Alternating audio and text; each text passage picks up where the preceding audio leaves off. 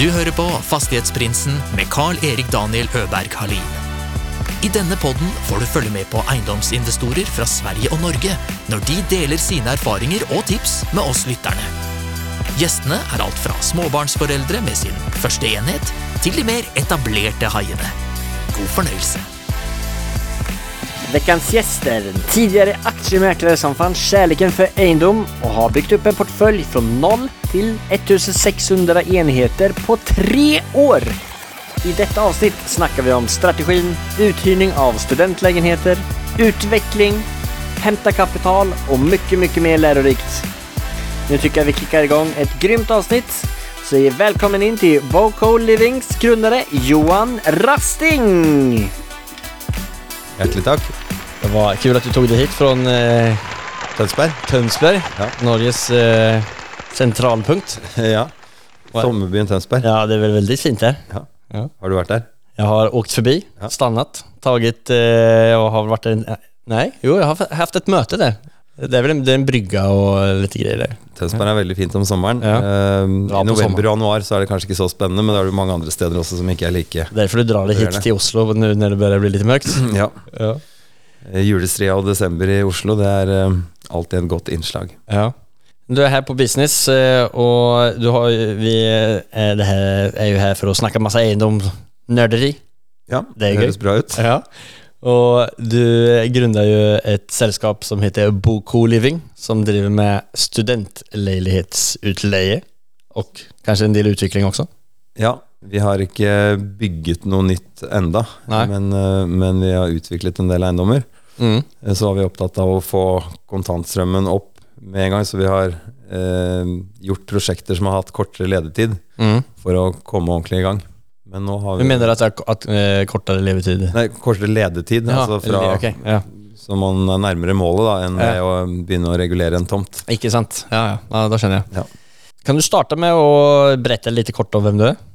Eh, ja, jeg er 40 år, eh, gift og har tre barn.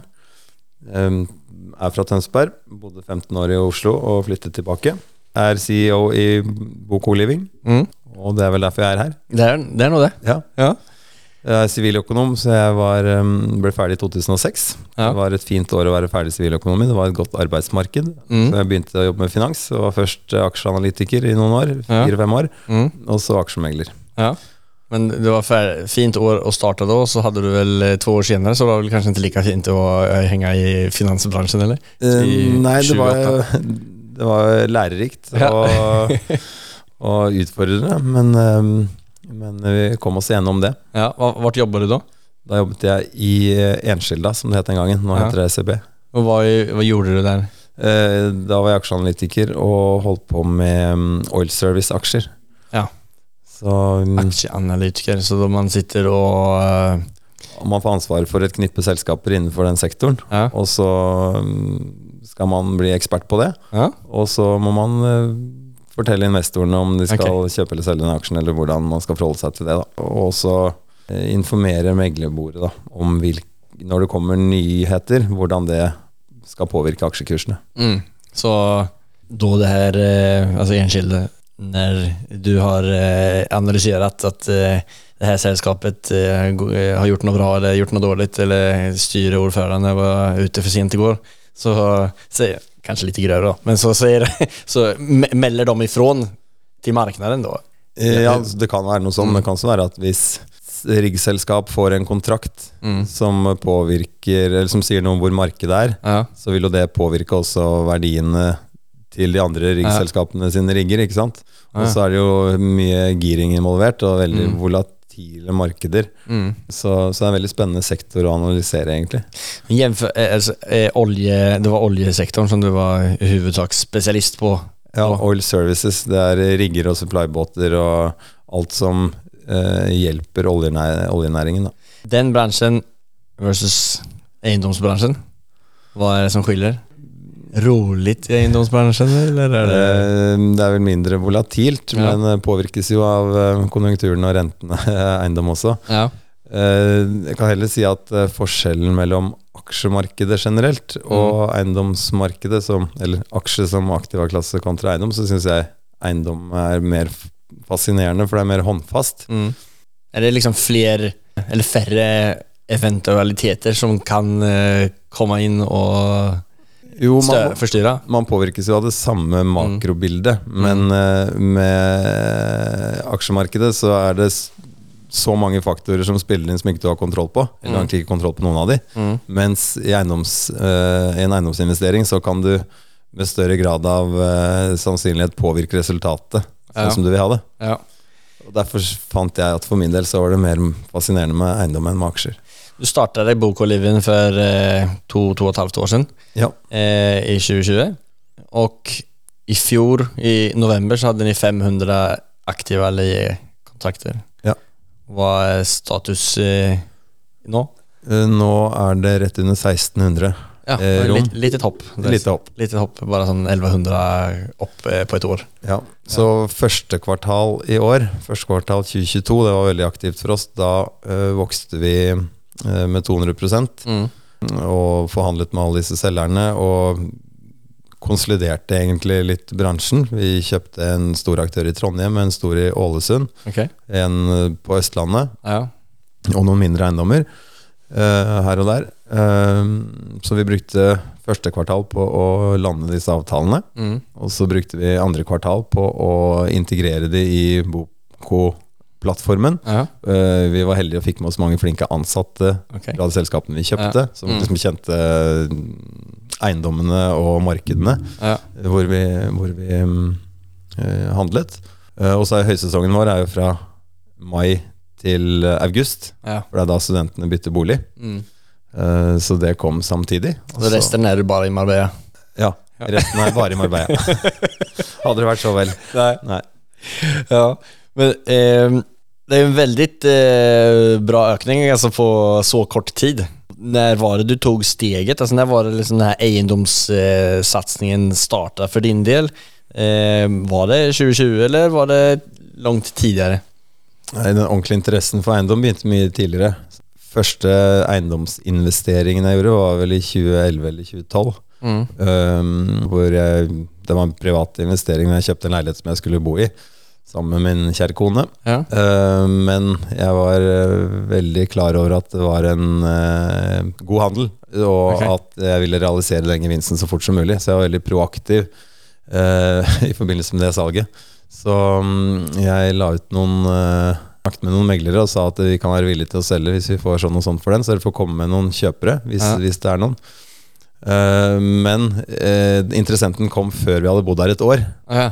Og jeg ville jo ikke skatte av Nei. den store gevinsten. ikke sant? Nei, for Så- ja, for du hadde den privat liksom som Ja, du skulle bo i. ja, og så fikk vi, fikk vi snakket han opp til den riktige prisen, og så fikk vi skrevet en opsjonsavtale. Ah. Så um, vi fikk på en måte låst inn gevinsten eh, skattefritt, selv om ikke vi hadde bodd der i tolv måneder. Så to dager etter vi hadde bodd der i tolv måneder, så flyttet vi ut. Ja. Eh, Og da Snyggt. var eh, kona gravid, Ja. eh, så da leide vi en leilighet av en kompis i femte etasje på Majorstuen, Ja. eh, uten heis. ja, det var populært. Ja, det var veldig populært. um, og så kjøpte vi et hus Mm. bak Frognerparken som vi, um, det hadde ligget lenge til salgs. Hvilket år er det her, da? Ja, det var 2013. Mm. Stort hus på stor tomt bak Frognerparken. Jeg var Ja. 30 og kona var 25. Og Ja. Det var jo en drøm som gikk i oppfyllelse. Ja, Det fine var at det hadde ligget som sagt til salgs lenge. Ingen ville ha det, så det var liksom brent i markedet. okej. Vad kosta det? Nei, Taksten var på 27 eh, millioner, og vi fikk det for 17 millioner. Ja. Uh, og det fine der var at det var to utleiedeler. Så um, Alltså i tillegg til ho hoveddelen? ja, Ja. Så vi Jeg skjønte plutselig at der kunne vi bo Ja. eh, nesten gratis. Mm. Um, og fikk da tilslaget til slutt. Ja. Eh, og syntes det var veldig spennende og litt skummelt. Så jeg Ja. husker Vi kjørte til fjellet den, den fredagen Når vi fikk tilslaget, og det regnestykket gikk og gikk og gikk rundt i hodet mitt. Kan det virkelig stemme at vi Ja. kan bo her gratis? Men Ja. det viste seg at det stemte, da. Um, og det ble ikke bare gratis, for etter et par år så Også der var jeg ganske komfortabel egentlig med at vi hadde gjort et godt kjøp. Ja, det så, lät så da gjorde jeg egentlig det samme og kontaktet noen meglere og sa at uh, off-market så kan jeg være villig til å slippe dette huset. Mm. Så var det en, en eiendom som var mye dårligere oppe i veien, Mm. i Monolittveien. Eh, Dette var i Gullbergsvei, men oppe i Monolittveien, som ble solgt. Det var en el- ellevill budrunde. Så ringte jeg til han megleren og spurte jeg antar at det var en utbygger som kjøpte dette her, for det, på den tomten kunne man bygge. Mm. Eh, og det stemte, det var det. Så spurte jeg om det var noen privatpersoner som var i budrunden. Mm. Eh, for det, vår, vårt hus var fredet, så der fikk du ikke gjort noen ting. Nei, okay. Så vi var avhengig av en privatperson. Ja. Og de var pengesterke og kom på visning og ble helt bergtatt av dette flotte huset. Og endte opp da med å kjøpe det etter en uke eller to for 27,5 million. Ok. Så det var på en måte Hadde dere gjort noe med det? ja, overflateoppussing og Ja. nytt kjøkken og litt Mm. sånn, men ikke de store tingene. Nei. Så det ble vår ticket out of misery. Ja. Fy faen. Hvilket klipp? Ja, det var veldig Det, det har betydd mye Ja. for den videre videre utviklingen. Og selvfølgelig også det, Eiendomsinteressen ble ikke noe mindre av det. Nei. Hur kommer det, tror du, att den låg ute eller för så mycket mindre? Var det någon speciell tid som gjorde... Eh, Mm, Nei, det var egentlig ikke det, altså, men det var et litt eh, Skal jeg si litt rufsete, gammelt sveitserhus. ja. Men med fantastisk beliggenhet og stor, stor tomt. Og så var det en del som burde bli gjort der. Mm. Eh, jeg tror kanskje egentlig at de fleste som var i den priskategorien, eh, hadde et eh, vesentlig høyere krav til standarden og måtte legge inn veldig mye mer. Ja. Men eh, for en enkel gutt fra Tønsberg så var det eh, nok med litt overflateoppussing og et nytt kjøkken og litt sånn for å, for å få det levelig. Ja. Så der bodde vi veldig, veldig fint eh, når den, det første barnet vårt ble født. Da. Så bodde vi der i Ja. to år. ja. Nej, det er vel ingen dum plass å bli født på. Nei, Og så dro ni tilbake til Tønsberg Og da jobber du fortsatt som eh, aksjemegler. Ja. aksjemäklare. Mm. Ja. Vi hadde egentlig ikke noen plan om å flytte tilbake til Tønsberg, så hvis noen hadde spurt meg en måned før vi gjorde det, så Nei. jeg kunne godt veddet hele den gevinsten på at jeg aldri kom til å flytte tilbake Nei, til. Tønsberg. Men så plutselig så slo det meg at hvis vi flytter til Tønsberg, så får jeg frigjort veldig mye kapital Ja. for meg på den gangen, som Mm. ville da muliggjøre Ja. eiendomsinvesteringer. I stedet for å kjøpe et nytt eh, dyrt hus på Frogner så tar ned og flytter til Tønsberg, der det er betydelig billigere, og så har du en kappsekk der du kan eh, gjøre noe kult kul med. Ja, så det var det vi gjorde. Så hva, hva, gjorde, hva, ja, hva vad, vad, vad, vad gjorde du da med kappsäcken? Nei, da skulle vårt andre barn bli født, så vi måtte kjøpe et eh, ferdig oppusset hus. Det var kriteriet fra, fra kona, så Ja. vi flyttet inn i et sånn nytt lite Ja. funkishus. Eh, men Vad sa da, åh, nei, det smertet meg, for det Ja. visste jeg at det var en dårlig deal. Så vi Ja. klarte å bo der i to år og ikke tjene noe penger på det. I et marked som bare gikk oppover. Mm. Ja. Så det gjorde litt vondt. Men jeg fikk gjort noen andre investeringer ved siden av som ble greit. Så vi eh, pustet opp uh, et par hus og solgte. Ja. Eh, og så var det en god venn av meg som jeg kjøpte en leilighet sammen med eh, i Tønsberg. Den var leid ut for 6500 kroner i måneden når vi kjøpte den. Mm. Kjøpte den for 1,9 millioner, pustet opp for 200 000-300 000. Mm. Og leide den ut til fem studenter for 22 500 i måneden. Ja. 10% eh, avkastning eh, Ja, typ. godt og vel. Så det, det Og det ga jo selvfølgelig da mersmak, så Ja. da kjøpte vi leiligheten over. Det er en Mm. liten tomannsbolig i Tønsberg. Den er faktisk i Bo Co-living ennå. Ja, ja. ja, for da hadde du startat å kjøre selskap, eller? eh? Ja, da hadde jeg et selskap sammen med denne kompisen. Ja. Eh, og så kjøpte vi et par leiligheter til, og så utviklet vi et råloft. eh, og kom vel opp i sånn 80 rom eller noe sånt til studenter. 80? Ja, Alltså, så nå, nå har hun liksom hoppet då var 20. opp til en liten... uh, Det var sånn 2018, kanskje. ja. Og så, uh, av forskjellige grunner, så fant vi ut at vi skulle mm, dele porteføljen i to og gå hvert til vårt. Mm. Vi hadde kanskje litt forskjellig syn på Eller ambisjoner om hvor vi skulle, og hva som var fornuftig, og sånt men vi Mm. skiltes som gode venner. Mm. Snakket med han senest på toget på veien over her. ja. Veldig flink og hyggelig kar. Ja. Um, og så ble jeg mer og mer konkret egentlig til meg selv, eller overfor meg selv på at dette her har jeg lyst til å gjøre ordentlig. For jeg så det var ingen store seriøse aktører i dette markedet, Nei. og åpenbart behov for det. Uh, og studentboligmangelen er der, og har vært her lenge og uh, kommer til å fortsette å være der. Så jeg tenkte at der er det noe så sjelden som et, en, en uh, tilgjengelig posisjon i et Ja. stort, attraktivt marked. Ja. Og hvis man finner en sånn mulighet, så må man gripe den. da Mm. Uh, men jeg var fremdeles aksjemegler, så jeg Ja. satt uh, Det var vel i august 2018, så satt jeg og skulle ha en lunsj på Aker Brygge sammen med noen kunder og fiskeanalytikeren. Uh, men den lunsjen så ble vi Alltså, bare Og fiskanalytikern. Ja, han som analyserer fiskesektoren, da. Altså kompisen som eh, ni kaller fiskeanalytikeren Ja, ja, nei, nei, nei. Han, uh, fiskeanalytikeren i DB Markets, Ja. veldig flink fyr. Ja. Men disse kundene var ikke så interessert i å snakke om fisk den lunsjen, for Ja. de mm, ville heller høre om mitt gryende studentboligeventyr. Okej. Eh, Så vi, da ble vi sittende og snakke om det, altså august 2018. Ja. Uh, og så snakket vi igjen rundt juletider, og så snakket vi igjen til sommeren Mm. i 2019.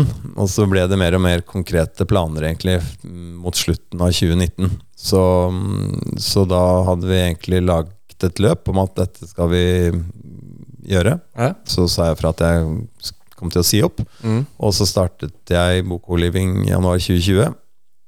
Og så kom disse aksjonærene inn, og så begynte vi. ja. Hvor mange hadde du, hvor mange enheter hadde ni, eller du da? du Eh, det?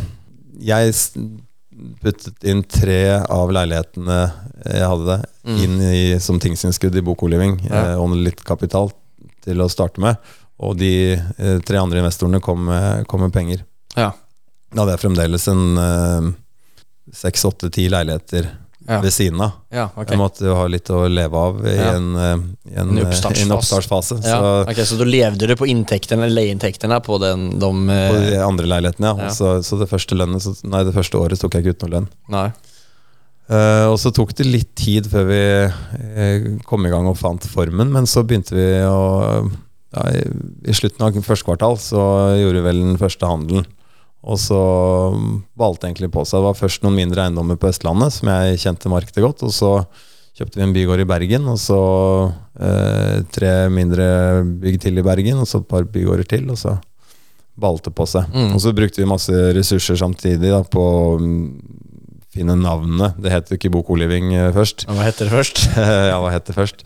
Jeg tror vi kalte det for eh, Rasting Co-Living. Ja. Men så fikk vi hjelp av noen veldig flinke folk i Bleed Mm. Til å lage konseptet og, og fargepaletten og navn. Mm. Og, Så det var bare rasting som skulle bort? Ja, det var bare rasting som skulle bort. Så det fikk jeg leve med. Du, det, det kommer noe tilbake litt senere.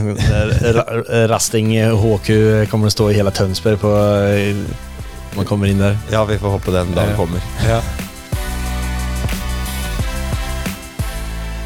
Ja, du hadde fått med disse investorerna eh, och de hade kommit in, du hade kommit in med egenkapital, de var inne med egenkapital.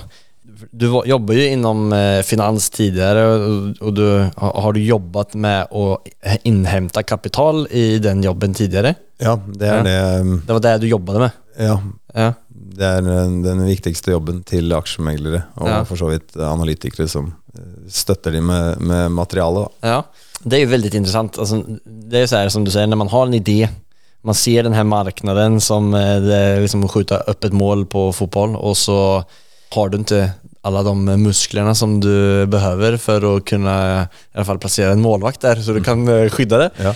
Hur ska man liksom, hur gör man lite enkelt förklarat för att laga en presentation eller uppsöka pengar på ett stiligt sätt? Nei, man kan jo, hvis eh, ideen er god nok og business case eh, skalerbart nok, så kan du jo gå rett til et meglerhus, så kan du få de til å hjelpe deg hente penger. Hva er et meglerhus? Hva er, hvilket eksempel? har du? Eh, Pareto eller DNB Markets eller Ja. Sparebanken Securities eller Ja. Eller Enskilda, som vi var innom tidligere. Mm. Um, eller så kan du gjøre det selv, for det er jo øh, De, Mm. Det, er jo kostbart å få hjelp til disse tingene. Det er okay. derfor meglerhusene tjener gode penger. Eksisterer, Ja. Så, men det var jo fordelen eh, min, egentlig, da, at jeg hadde kunnskap om hvordan dette skulle gjøres fra den tidligere jobben min, Mm. og også et nettverk, egentlig, med folk som kunne være villige til å investere. Ja, ok. Um, men um, Så da fikk vi på en måte laget en presentasjon, uh, bygget business case, og så gått ut på veien. Så i desember, eller november-desember 2020, da gjorde vi den første emisjonen mot uh, andre enn, de, enn meg og de tre andre investorene som var med fra starten. Mm. Så det var veldig tilfredsstillende. Og for det første å kunne stå inne for de estimatene vi presenterte, for det var jo jeg som hadde satt det opp, og jeg kjente jo businessen og visste hva Ja. som var hva. Mm. Uh, mens når man er ute på veien for å hente penger til noen andre sin, sitt case, så Ja. må det jo da kjenner du jo ikke Du har ikke den samme dybdekunnskapen til det. ikke sant? Mm. Du, og du vet jo egentlig ikke om det stemmer det du sier. Du må presentere det du har fått presentert. Men så var det jo jeg som hadde laget presentasjonen. Ja, ok, du mener så. Ja, altså når en, eh, hvis du hadde satt, satt bort det til Pareto Ja. så presenterer de det egentlig du har sagt. Ja, ikke sant? Mm. Som jeg gjorde når jeg Ja. jobbet Ja. eh, sånn. Og, og, Men her hadde du svar på precis alt som noen kunne tenke seg å spørre under den presentasjonen, så då tipper jeg at du gav ganske stor uh, fortroende. Ja, ja ikke sant? Og, så, men det, og, og det var ganske tilfredsstillende, for det var, vi var i kontakt med ganske sofistikerte investorer og, og flinke folk, og se at de fulgte resonnementet og nikket på de riktige stedene, Ja. og skjønte at ja, faktisk her får vi hentet kapital. Ja. Jeg lurer på om prisen um, per aksje, da, for å si det sånn, var opp 50 ja, fra der de andre, eller de første investorene kom inn. Ja. Så da på under et uh, år, da. Så det var uh, morsomt. ja. Og da var det mm, mye friends and family, men også en del andre. Mm. Ok, i, i runda to, eller i Ja. runda, ja. Ja. Okay, så da var det eh, redan gått opp 50% eh, fra den andre andra kom inn. Ja. Och bara som spørsmål, da. Hvor verdsetter man det? Var det eh, Rasting Finans som eh, värdesatte dem eller tog Inn, noen da som gjorde en verdisetning? Men det, det jo så klart som du sier, at de her kjøpte jeg for 25 kroner, og nå får du kjøpe for 50 Og at det er noen som eh, vil kjøpe, betyr ju da at den er verdt 50. Ja, så vi, vi baserte verdsettelsen på, på en GIL-betraktning, og så støttet Ja. vi det på en måte med eh, verdivurderinger og, og hva som var investert. For det, litt av eh, ideen her da, vi skal generere verdi langs tre akser. Okay. For det første så skal vi jo ha en sunn drift ikke sant? og Ja. generere kontantstrøm. Ja, Enhver bedrift burde jo gjøre det. mm, det tykker banken om. Veldig få eiendomsaktører gjør egentlig det nå, ikke sant? men nei. vi genererer kontantstrøm fra driften. ja. Det er jo liksom nummer én. Mm. Eh, Nummer to er jo prosjektutvikling. At Ja. eh, vi ved å eh, kanskje kjøpe noe for eh, 100 og så investere i 20, så Mm. dobler vi leieinntektene. Ja, mm. Så jeg kan ikke at eiendommen har vært dobbelt så mye selv om leieinntekten dobles, Mm. men vi skaper noe merverdi Ja. i prosjektutviklingen. Ja. Så det er det andre. Mm. Og så er det det tredje, som er egentlig litt vanskelig å forstå, men hvor liksom magien kommer inn. Mm. Og det er yield-kompresjonen som kommer med størrelse. Åh, At det, der var ikke, det der begrepet har jeg ikke hørt, så nå ble jeg spent. Ja. At eh, jo større man blir, ja. Jo skarpere yield vil investoren eh, prise deg på. Det er en mekanisme som er i alle markeder, egentlig. Ok, Betyr det altså typ at man er eh, eh, att de ser på deg som mer rutinert og mer flink? Ja, og det er jo mer diversifisert risiko, For, eksempel, ja. for du har jo flere bygg, så alle Mm. brenner jo ikke samtidig. Eh, flere leietagere. Mm. Så, så stordriftsfordeler innen eh, finansiering fra Ja. bank, Ja. Uh, systemer mm. uh, Det kan være mange ting som, som driver det. Men uh, det nydelige da er at da Mm. kan jo vi kjøpe en eiendom Mm. på um, syv i yield, Ja. Mens, inve mens investoren Ja. uh, er enig med oss at uh, under vår paraply så er den verdt seks. Ja. Og gjør du det nok ganger, Ja. da er det nesten så du har trykkeri i kjelleren. ja. Men, og det her visste du om for at du har jobbet innom finans? Altså de her tre, det var liksom eh, de tre fundamentene i satsningen? Ja, ja, det var um, tanken. Og så var vi jo ikke sikre på om det kom til å funke sånn, men, men det, det Nu har du bekreftet at, uh, att, eh, det gjør det. Ja. Så himla spennende. Det, altså, det, det er jo altså, om du tar tilbake, eh, om du tar tilbake liksom så som du holdt på når du var, eh, kjørte privat og når du kom, kom gang det med de første eh, boligene, så er jo det egentlig du gjør, du gjør jo egentlig samme sak, bare i en stor skala Ja. og jævlig proft. Ja, vi prøver å, um, prøver å gjøre det så proft som mulig. Og det morsomme er jo når man blir større, så har man også ressursene til å Ja, gjøre det ordentlig. ja, Som man ønsker å gjøre det. ikke sant? ja.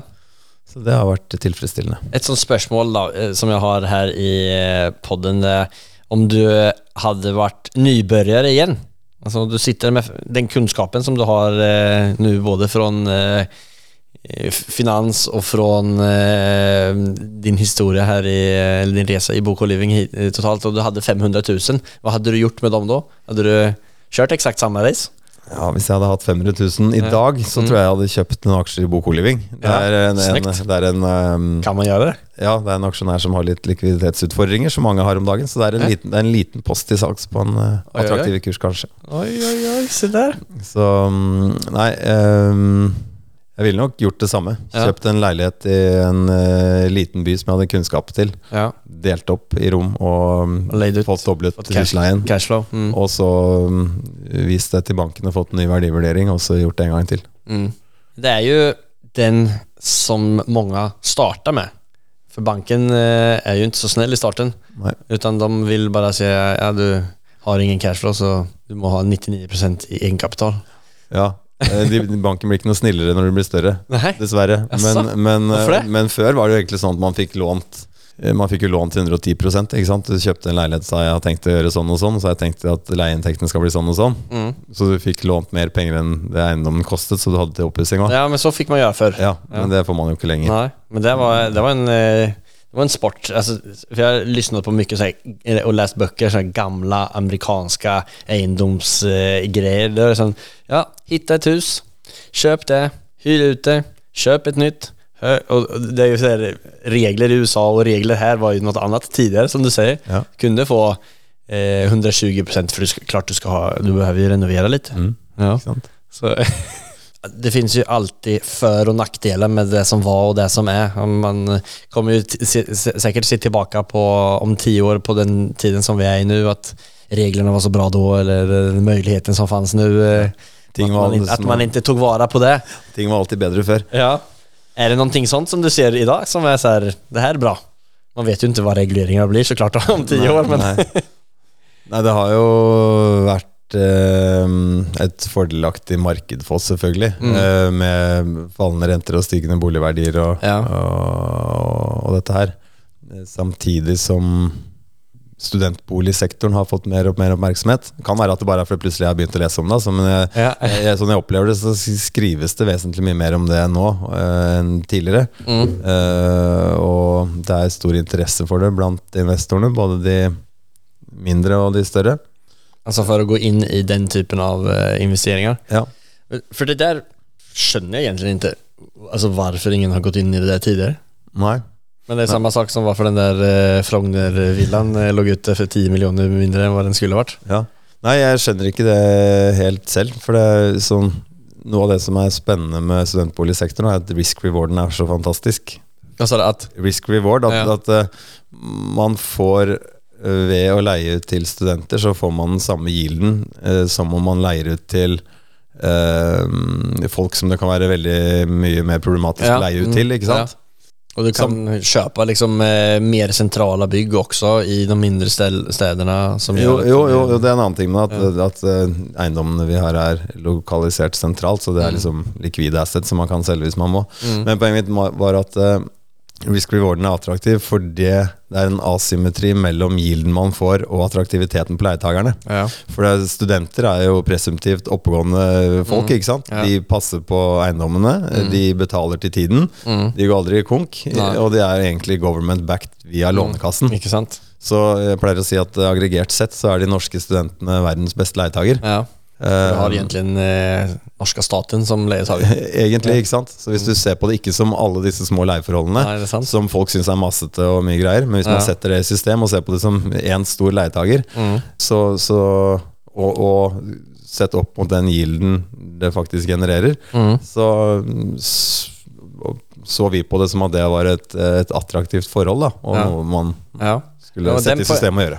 Den poenget som du eh, tar der, er jo, er jo helt klart en, eh, en veldig viktig del. Altså, det blir ju mm, sannsynligvis mindre eh, hantering eh, av selve lejetagaren eh, enn om de andre som eh, er är studenter, som du skulle leie ut til en eh, annen annan person i, i en sånn by som, som eh, bara ska bo der.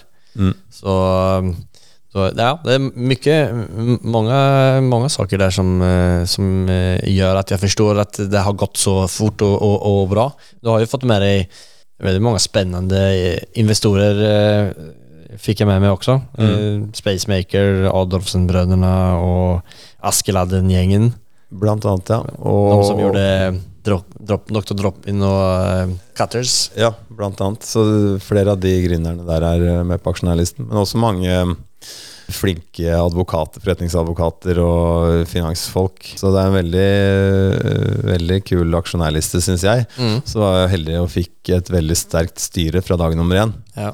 Så eh, når vi satt der med disse tre leilighetene og noen millioner på bok i begynnelsen, så var styret Styret hadde en, en eh, kompetanse og en tyngde som, eh, som tilsa at vi var noe veldig mye mer enn det. Og det var jo planen å bli, da. Men, Ja. men det har vært til stor hjelp også i kapitalinnhentingen. Ikke sant? Ja. At ok, hvis disse gutta er med på det og vil eh, relateres til det, Mm. så, så må det jo være noe hold i dette her. Ikke sant? Hva var, hva var eh, de ni satt der, de bestemte at ni skulle gå all in på Boko Living og eh, hadde hade ni satt opp for endgame eller mål? Hva, har ni noen sånn 3, 5, 10, 20 års eh, plan? Ja, nei, Regnestykkene vi satte opp da, det var fram til 2030. Ja, Uh, og da skulle vi vel ha uh, omtrent like mange rom som vi har nå. ja okay. Eh, men det, det var uten å legge inn kapitalinnhentninger. Da. Så Ja. det, var, det var lavere rente, så da genererte man mer kontantstrøm. Og så var det å reinvestere den, Mm. og så refinansiere årlig Mm. på høyere verdier. Ja. Og så den rentes renteeffekten Ja. var ganske god. For når rentene var sånn som de var da, så uh, kunne vi vokse organisk med nesten 20% per år. Mm. Opphører du 1,2 uh, nok ganger, så blir det fort store tall av det. ikke sant? Ja, ja. Ja, det blir, blir veldig kul. Men, men planen var jo å hente penger, men det var bare det var der vi Det var det som lå i regnearkene ja, da. och så hadde ni litt sånn potensial vi kommer hämta penger, men vi hadde satt opp noen mål rundt omkring det. Nei. Nei. For det, det ville jo da bli styrt av de dealene vi fikk, og, og hvordan det utviklet seg. Det tok så lang tid innan det började klie i og och börja pitche det til andre. Nei, nei. for vi så at det var tilgjengelige eiendommer. da At det Ja. var mulighet for å vokse fortere enn vi egentlig hadde trodd. Mm. Og at vi da kunne gjøre innvandrende kjøp. Altså at vi kunne kjøpe eh, eiendommer med en yield X, som investoren eh, og ville prise Ja. under vår paraply til Ja. X minus et eller annet. Ja, och det gjør det at, at man får belånet det på den, X den som ni da får. Eh, ja, litt både òg. Mm. Eh, ikke hver gang, men noen ganger. Mm. Eh, og så var det en annen ting vi begynte med da. eh, at vi gjorde deler av oppgjørene med vederlagsaksjer. Okay, hva er det? At istedenfor å gi selgeren penger for sin egenkapital, så trykket vi aksjer. Ja, ja. Ikke sant? Mm. Uh, for kapitalen var jo på en måte den knappe ressursen, selv om vi opplevde at det var tilgang på kapital Mm. fordi investorene fulgte resonnementene våre. Men Mm. da var det noen kjøp vi gjorde som vi vi, vi, eksempel, vi kunne kjøpe en eiendom med 10 brutto yield, ja. og så fikk selgeren aksjer i Boko Living på 7 brutto yield. ja. Så da, den snurren der funker jo eh, veldig fordelaktig for, for de eksisterende aksjonærene. da. Og Ja. har vist seg å være veldig bra for de som har kommet Ja. inn også, heldigvis. da. Det der er jo et eh, game som er hakket over hva jeg er jag helt innsatt i og forstår enn. Men eh, det er jo jæklig spennende. Eh, Men, men jeg skal forklare det på en veldig Ja. enkel måte, for det er veldig, det er veldig jeg, jeg, viktig. syns du er blitt flink på det, så det tar jeg gjerne imot. ja, men så bra. Ja. Hvis du sier at uh, en eiendom har 1 million i leieinntekter, Ja, og den eiendommen er sånn at markedet mener at den er verdt 8% i brutto gild. ja. så da tar du 1 million delt på 0,08, Mm. da er den Så verdt, långt är med. da er den verdt 12,5 million. Mm. Men hvis markedet er enig i at den samme eiendommen Mm. under vår paraply Mm. er verdt 6,5 brutto gild, Ja. da må du ta den millionen, Mm. dele på 0,065, Mm. og da kommer du til 15,4 millioner. Ja. Så den eiendommen er da verdt 3 millioner mer hos oss Mm. enn de vi kjøpte den av. Ja. Og hvis du gjør det nok ganger, Ja. så blir det veldig bra. ikke sant? ja, det blir det. Og gjør du den nok ganger så du blir stor nok, så er det ikke 6,5% lenger, men kanskje Nei. 6 Ja. Og selvfølgelig når rentene går opp, så vil jo det tallet gå feil vei, da. Men, Mm. ja. men mekanismen er den samme, for da vil du, måtte, da vil du fått den enda billigere når du kjøpte den. Da vil du fått den på 9% og så kanskje priser investoren under blitt til 7 Ja. Så det er som jeg sier, den tredje verdiskapningsgreia, hvor magien kommer, det er yield-kompresjonen. Ja. Og muligheten til å gjøre innvandrende kjøp. Det skal jeg tatovere inn på mitt brøst. Mm. Jeg også. Ja, men uh, nå hadde dere ni en plan som ni redan har oppnådd, uh, åtte år tidligere enn planen. Hur ser planen ut nu? Nei, vi må jo prøve å doble porteføljen igjen da, i løpet av 2023. Ja, man må jo det. Um, og det kan jo være at det blir et eh, fordelaktig marked å kjøpe i. Mm. Jeg trodde en stund at vi skulle ha hele 2023 på oss, for jeg tenkte at dette her kommer til å være ruglete lenge. Men Ja. sånn som det utvikler seg, så tror jeg egentlig at uh, ting kommer til å se veldig mye bedre ut allerede okay. etter første halvår. Ja. Uh, at, Det så mørkere ut. Winter is here, Og Ja. så er det snart over. Ja, nei, jeg vet ikke om det snart er over, men jeg, jeg tror i hvert fall at det vinduet man har til å gjøre gode dealer, er litt, kort, litt mindre nå enn det jeg trodde for noen måneder siden. Okej. Eh, Så vet vi ikke om altså, det du, er du har ju eller ikke. eh, stålkontroll på markeder marknader begreper som vi jeg har hørt tale om tidligere. Hva er det som gjør at du ser det her? Nei, hva skal jeg si da? Eh, Jeg tror at Ikke at jeg vet noe mer om dette her enn noen andre, men jeg tror at eh, så snart det blir signalisert at rentetoppen faktisk er nådd Ja.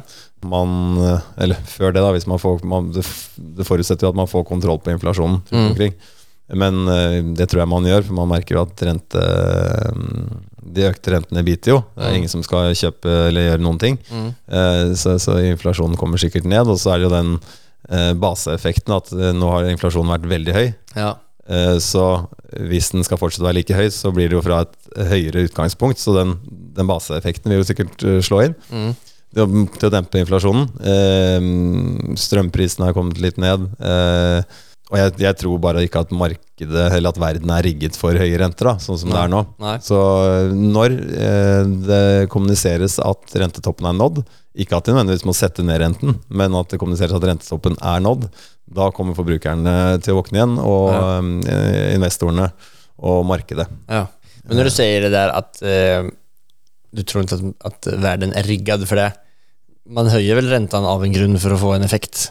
Jo. Att, att, att den inte är riggad till det, eh, har de som höjer räntan, eh, tar de hänsyn till att världen inte är eh, alltså, eh, riggad för det? Man får, väl, man får väl inte ut den effekten som man önskade å få ut då? Nei, men de bommer jo alltid både på nedsiden og oversiden. oppsiden, ikke sant? okay, ja. Så, mm, så da fikk Så, jo du så beroligende. Så kommer Mr. Market og drar alt sammen Ja. sammen igjen. Ja. Tror jeg, da. Ja. Jag, jag väljer att lyssna på dig. Ja, så bra. Vi får, vi får jeg får Hoppas att alla gör det så att det blir lite mer eh, god stemning eh, här framöver. Ja, de må bare vente til vi har fått kjøpt litt Ja, ja, først ja. På, på, på god Vi, pris. vi slipper den her i mars. Ja, ja, det er fint. Vent til mars. Men eh, alltså jag skulle kunna sitta och prata med dig eh, hur länge som helst känner jag. Men vi må hoppa vidare till vårt nästa segment som heter Affärsanalysen. Ja.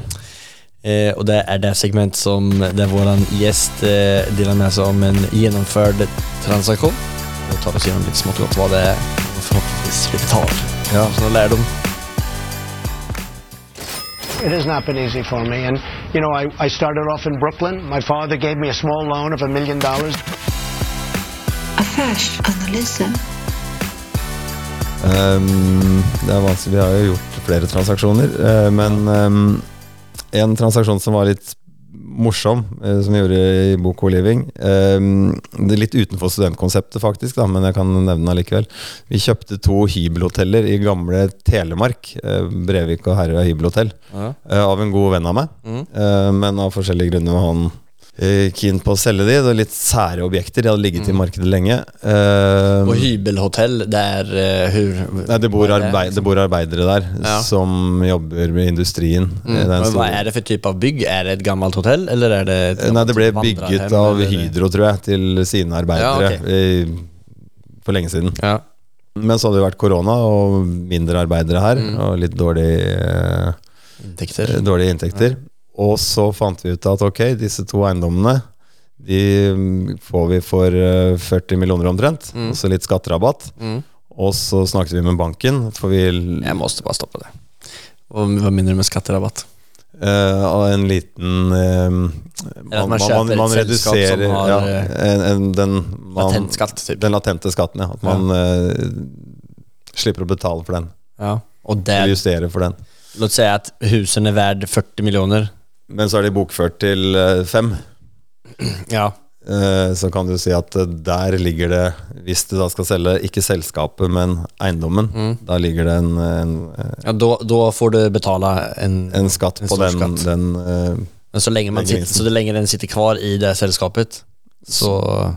så, så får du ikke da, da, får du ikke, da må du ikke betale den skatten. Men der, og så er det alltid mye spørsmål om man skal ha om det er riktig å justere for latent skatt i boligtransaksjoner. Ja. Altså at, man ska, att eh, det er folk som ikke mener at man skal justere for det, eller at man skal anvende den Ja, ja for det, det, blir, eh, det vil aldri bli en realitet. Nei.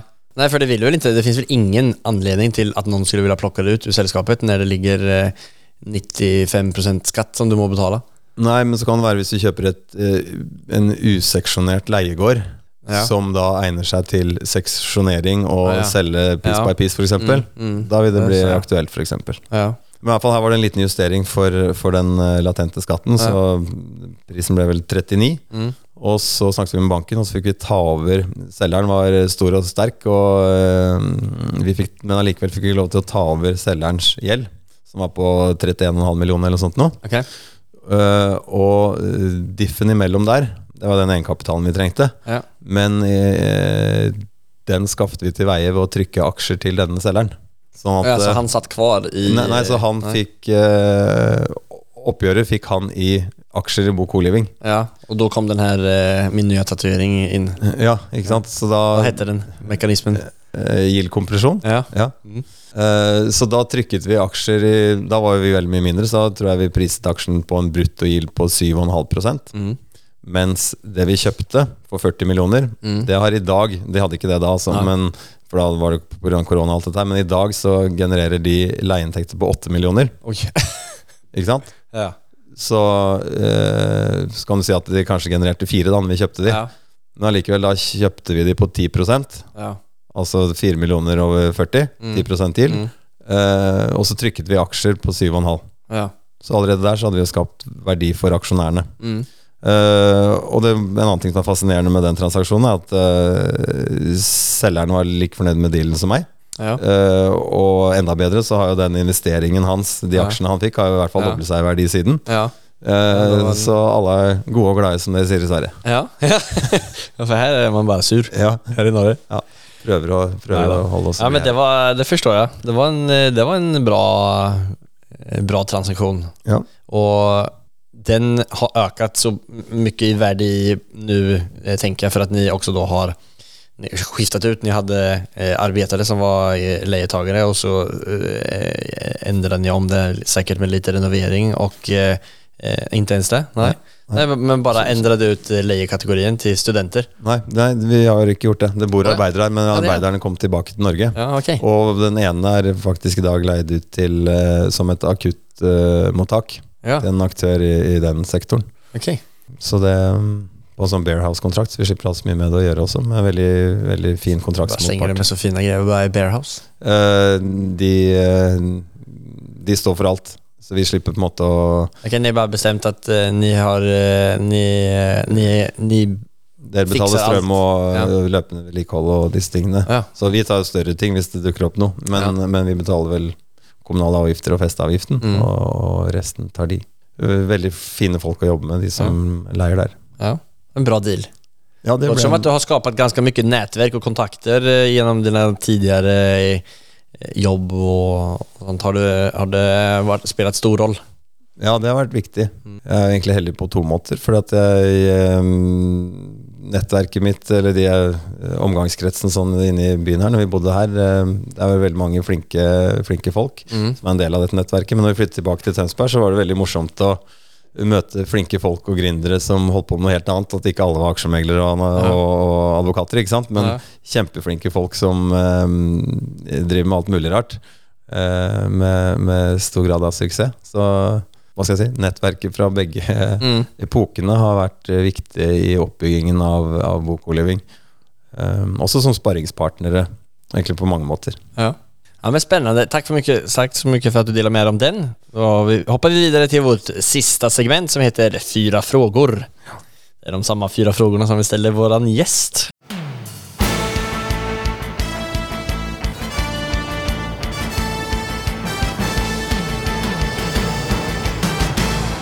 Cuatro preguntas.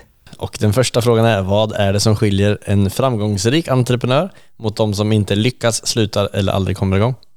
Jeg tror at man må tørre, og så må man eh, jobbe hardt, og så må man stole på sine egne analyser. Mm. Det er alltid lett å skyte ned en god idé. Ja, men det är lite skummelt, alltså så här som du säger, man, man har en idé, men för dig är det helt uppenbart. Altså ta det der Frognerhuset til eksempel. Du skjønte ikke liksom hva den ligger ute for 27 eller 26. Vi får kjøpt den for 17,5. Vi kan bo gratis. Formodentlig kommer det bli en insane verdistigning på en liten stund. Ja. Hvorfor, er det ingen annen, hvorfor er det ikke folk som slåss utenfor? Nei, det er akkurat det. Og hvis du samtidig kan redusere risikoen med at det verste som kan skje, er at du fortsetter å bo i det huset Ja, gratis. Ja. Ehm, så det var min analyse da, det viste seg å stemme. Og da var det jo sikkert mange som syntes at jeg var tullete, og hva skal eh, Rasting gjøre i det store huset bak Frognerparken, og nå må han jammen eh, bremse opp litt, ikke sant? Så sikkert mye, mange som tenkte det. Men ehm, den som lo sist, Ja, ikke sant? ja. Ja, men det er bra. Andre spørsmålet er om alle eiendommer var tilgjengelige for deg. Om penger ikke var motivasjonen, hvilken eiendom hadde hade du forverret, og varför? Min gode venn, nabo og navnbror har et hus som eh, ligger veldig, veldig fint til. Fantastisk eiendom. John Travolta eller? Ja, nei, han, han eh, kjøpte det for et par år siden. Jeg hadde ikke mulighet til å kjøpe det da. Ja. Eh, men maste på han i et år om at det må du bare kjøpe, for det fins ikke noe bedre hus å bo i i, i Tønsberg. Ja. Så han gjorde det, da. Og, så den eiendommen skulle jeg nok gjerne Altså din nabo? Ja. Ja, okej. Alltså Der du bor idag, nabotomten? ja, tre tomter Ja, bortenfor. ja. ja den, eh, den skulle du kjøpt. Ja, ja, og så er det min Men jeg ville ikke kjøpt den, for jeg unner min gode venn å bo der. ja, okej. Men um, Det må jeg nesten si. jeg skal vise deg etterpå. Ja. ja men, uh, har du noen bra boktips for en som er interessert i eiendomsinvesteringer? Kanskje ikke eiendoms... eh, eller for jeg som er interessert i eiendomsinvestering, jeg har ikke lest så mye sånn faglitteratur rundt det. Men eh, for alle andre om eh, yield-kompression. Ja, den burde du lese. Ja. Så kan man lese noen av disse bøkene til han franskmannen, han Holbeck. Okay. Han tar opp mye Hva heter han sa? Hol, Man sier jo ikke H-en på fransk, Nei. men det skrives med H. Ja. Altså Olebeck, eller noe sånt uttaler man det. Mm, mm. har skrevet noen uh, ganske fascinerende bøker hvor han tar opp uh, problemer i samfunnet, i det franske samfunnet, på en litt uh, spennende måte. Som eh, er skrevet på en sånn måte at det er eh, gøy for oss menn også å lese det. Okay. Mm, så det Ja. kan absolutt anbefales. Spennende. Har jeg aldri hørt tale om så det blir kul å lese gjennom det. Gjør det. Så, det viktigste spørsmålet og momentet i hele intervjuet. Nevn det mest storartede, morsomme, minnesverdige settet som du har firat en gjennomført affære eller seger på. Eh, ja, det er det, da. Mm. det er trist, men vi har liksom ikke fått hatt tid til å gjøre de store markeringene når vi har gjort transaksjoner. Nej. Eh, men jeg fylte akkurat 40 år, da hadde jeg et 40-årslag som man kan si at var kanskje en Det. Som kanskje var en, eh, en feiring av eh, den eh, reisen vi har gjort de siste årene. Ja. Uh, og så prøver jeg jo å feire egentlig alle små og store seire Ja. ved å være takknemlig for de positive tingene i livet Mm. fra dag til dag. ja. Um, Framstår som at du er ganske positiv, eller at du har veldig positiv syn på saker og ting Å stå på. ja. Ja. Jeg tenker at man kommer langt med å være positiv. Ja, tror jeg. Ja, men, er det noen spesielle deals som du er på jakt på nå fremover, Eller hur ligger det til i, eh, i pipen? Ja, vi har en lang liste med leads som vi Mm. jobber med, men eh, vi har lyst til å vokse videre. Vi er nå i 13 byer. Mm. Ja. Eh, Vi har lyst til å komme i flere byer, Ja. Eh, men eh, vi må ha en litt sånn kritisk størrelse i hver by, så vi skulle gjerne hatt i hvert fall 50 eller 100 rom før vi går inn i en ny lokasjon. Altså at ni kjøper fem, eh, 50, 50 Ja, rum? du kan kjøpe 50 hvis vi ser at mm. det er lett tilgjengelig. Ja. 50 til, men um, um, det ønsker vi. Mm. Kjøpe Så hvis noen sitter der ute og tenker at eh, nå har jeg bygget opp en portefølje med 100 rom som jeg leier ut til studenter, men jeg er litt lei av alt maset Ja. når de ringer på søndag og sånn, Ja. så kan de ta kontakt med oss, og så kan vi kjøpe det. Hvilken by er du? Nei, det er mange som spør om det. Det er, det er det samme om det er Stavanger eller Kristiansand eller Tromsø. Ja. Eh, Eller Gjøvik. Eller- Mm. det, det er det samme. Lillehammer, Det skal bare være liksom eh, en liten skole skola i nærheten som de har eh, Ja. Ja. Det må være en studentby. Ja, det er flere i, som jeg har intervjuet her, som har bygd opp seg alt ifrån 40 til 150 studentboligportföljer rundt omkring i landet. Ja. Shout-out til dem. ja. Ja. Så de får ringe, og så får vi se om det Ja. blir oppgjør i aksjer Ja. som skal fortsette å stige, eller om de vil ha kontanter. Ikke sant? Eh, är det någon annan person eller eh, selskap eller eh, noen som du vil komme i kontakt med? Eh, nei, det er ikke noe jeg kan komme på, egentlig. Nei. Sånn. Jeg har jo vært heldig og vært i kontakt med mange av de aktuelle aktørene, egentlig allerede. Mm. Og de som sitter på store eiendommer her og der Ja. i dette segmentet. Ja. Nei, så, og vi har god dialog med Mm. studentsamskipnadene, som er Ja. viktig. ikke sant? Og. Vi ble invitert til dette studentpolitisk toppmøte, Mm. som var organisert av eh, Kunnskapsdepartementet. Ja. Og fikk møte eh, ministeren for eh, forskning, utvikling og høyere utdanning. Ja. Så mm, jeg føler at vi egentlig har At vi har satt oss selv på kartet, så, Så så folk vet hvem vi er. Eh, om det er noen som eh, har en utleieportfølje eller av noen annen grunn skulle ville ha kontakt med deg, hvordan kommer man i bäst eh, kontakt med deg da? Best er vel å sende en mail. Ja. Johan at bokoliving.no. Ja, Nå legger vi til det i beskrivelsen i podden. Ja. Og om du skulle passe videre mikrofonen till eh, en bransjekollega som jeg skulle intervjue for å få lært meg masse spennende nye begreper eller innriktninger, eller noe, hvem hadde det vært da? Kanskje jeg skal si min kjære nabo, Ja. som er boligutvikler. Ja. Eh, kjempe kjempegod mm, god sparringspartner for meg. Vi satt på kontor sammen inntil i sommer. ja. Vad heter, eh, na, heter naboen? Johan Seiner. Ja, Johan Seiner. Ja. Ellers, ska, eh, så han eller styreformannen vår, Lasse Høyem, Ja. eh, han, eh, han holdt på med masse innen eiendom, ikke bare bok og living. Ja. Eh, Så han har sikkert veldig mye god erfaring. Og, jeg tar begge to, jeg. ja, Ja. det, det ville jeg gjort. For å legge inn et godt ord. Ja, Fornuftig og gå- fine karer begge to. kommer jeg og ringer opp til dem. Takk så jättemycket. Har du, før vi springer videre, du har eh, busy schema her i, eh, i Oslo. Eh, har du noen siste tips til alle nye investerare som komme inn i, i eiendomsbransjen? Nei, det må være litt det samme. Ikke være redd for å tenke stort og tro på egne Mm. Ja. analyser. Ja. Og jobbe hardt og gi gass. Ja. ja, men med det skal vi tenke stort. Og så takker jeg for i dag. Tusen takk, det var hyggelig å prate med deg. Det var veldig hyggelig. Takk for praten. Takk, takk. Utvikling av eiendommer så de optimaliseres til studentleiligheter. Det er en strategi som flere tidligere gjester også har anvendt, og det er en grym strategi å ha då du både tjänar pengar på utvecklingsbiten och har ett betydligt bättre cashflow än vanliga lägenheter som man hyr ut varje månad. Jag måste bara säga, jag är grymt imponerad av Johan. Det här är alltså både av hans resa så långt och det blir grymt spännande att följa med på vad Bokoliven kommer att få till här framöver. Hade jag fått möjligheten till att få Johan som mentor så hade jag moonwalkat ut från studion nu. Wink wink. Jag vill passa på att påminna om att vi släpper ett nytt avsnitt varje måndag med en superinspirerande gäst.